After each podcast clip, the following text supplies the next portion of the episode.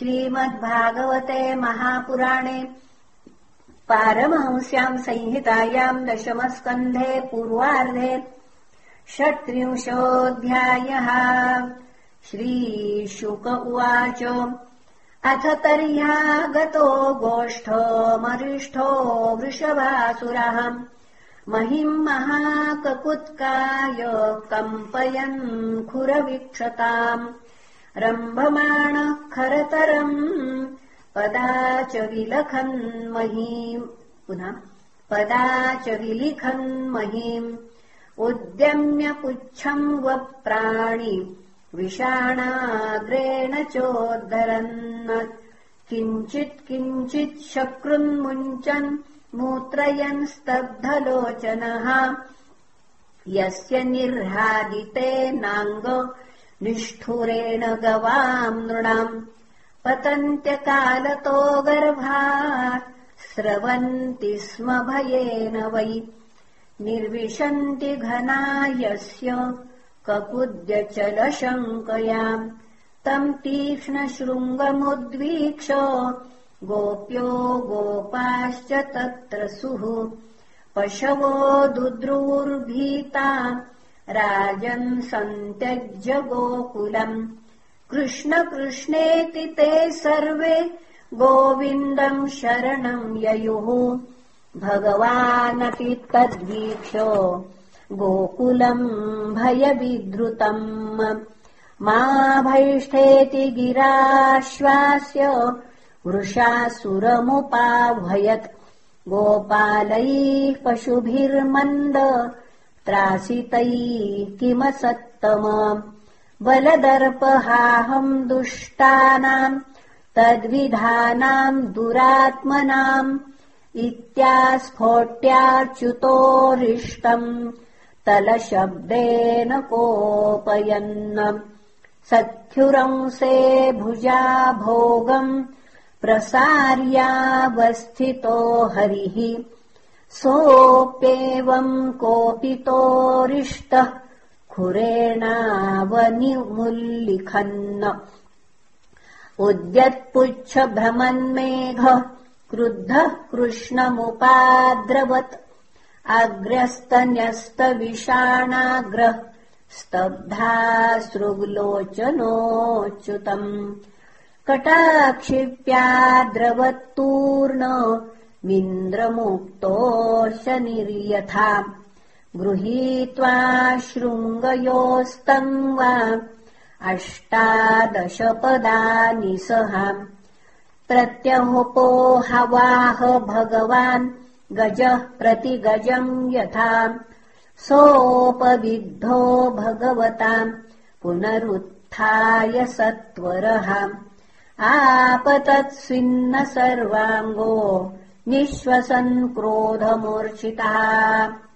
तमापतन्तम् स निगृह्य शृङ्गयोः पदा समाक्रम्य निपात्य भूतले निष्पीडयामास यथार्द्रमम्बरम् कृत्वा विषाणेन जघानसोपतत्। अश्रुग्वमन्मूत्रशकृत् समुत्सृजन् क्षिपंशपादाननवस्थिते क्षणः। जगामकृच्छ्रम् निरुतेरथक्षयम् पुष्पैः किरन्तो हरिमीडिरे सुराः।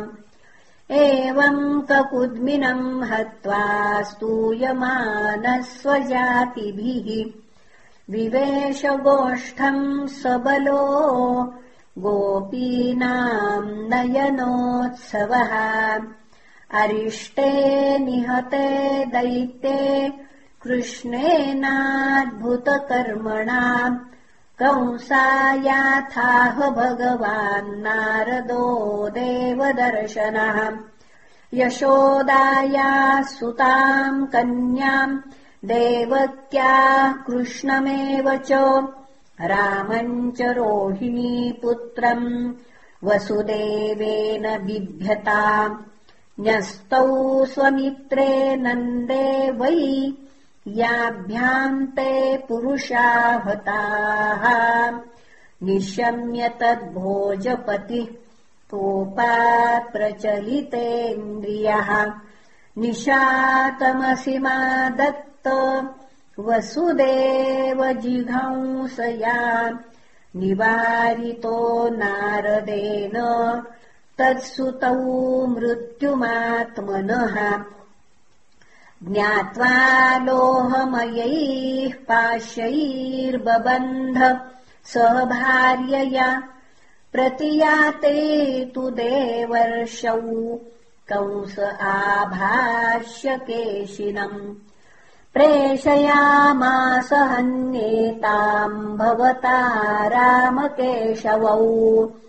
ततो मुष्टिकचाणूरशलतोशलकादिकान् अमात्यान् हस्तिपांश्चैव समाहूयाह भोजराट्। भो भो निशम्यतामेतद् वीरचाणूरमुष्टिकौ नन्दव्रजे किलासाते सुतावानकदुन्दुभेः। रामकृष्णौ ततो मह्यम् मृत्युः किल निदर्शितः।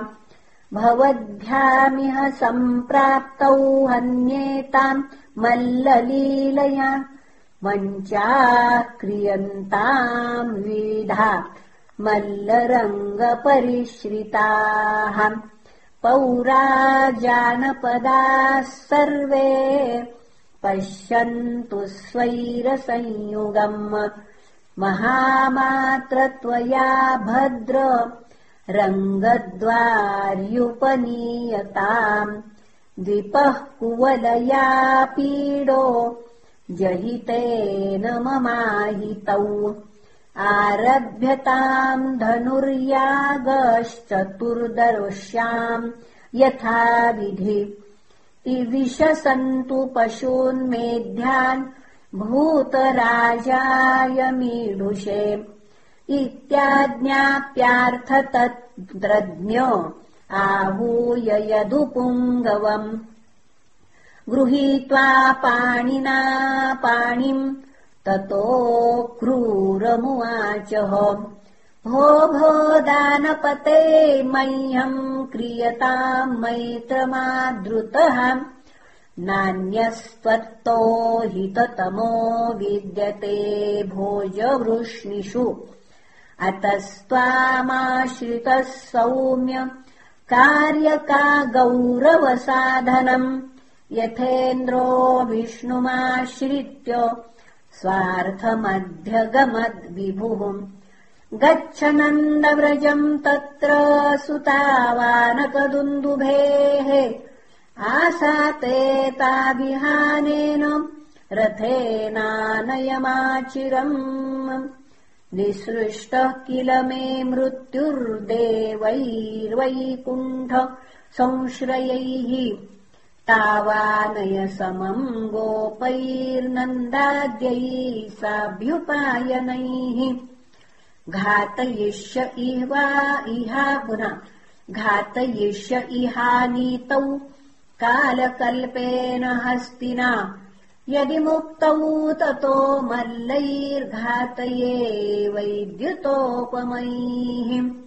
तयोर्निहतयोस्तत् तान् वसुदेव पुरोगमान् तदबन्धून्निहत्निष्यामि वृष्णिभोजदशार्हकान् उग्रसेनम् च पितरम् स्थविरम् राज्यकामुकम् तद्भातरम् देवकम् च येन चान्ये दिद्विषो मम ततश्चैषामहीमित्रो भवित्री नष्टकण्टका जरासन्धो मम गुरुर्द्विविदो दयितः सखा।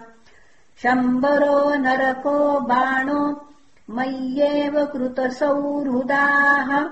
तैरहम् सुरपक्षीयान् हत्वा भोक्षे महिम् नृपान्। एतज्ज्ञात्वा नय क्षिप्रम् रामकृष्णाविहारभकौ धनुर्मखनिरीक्षार्थम् द्रष्टुम् यदुपुरश्रियम्।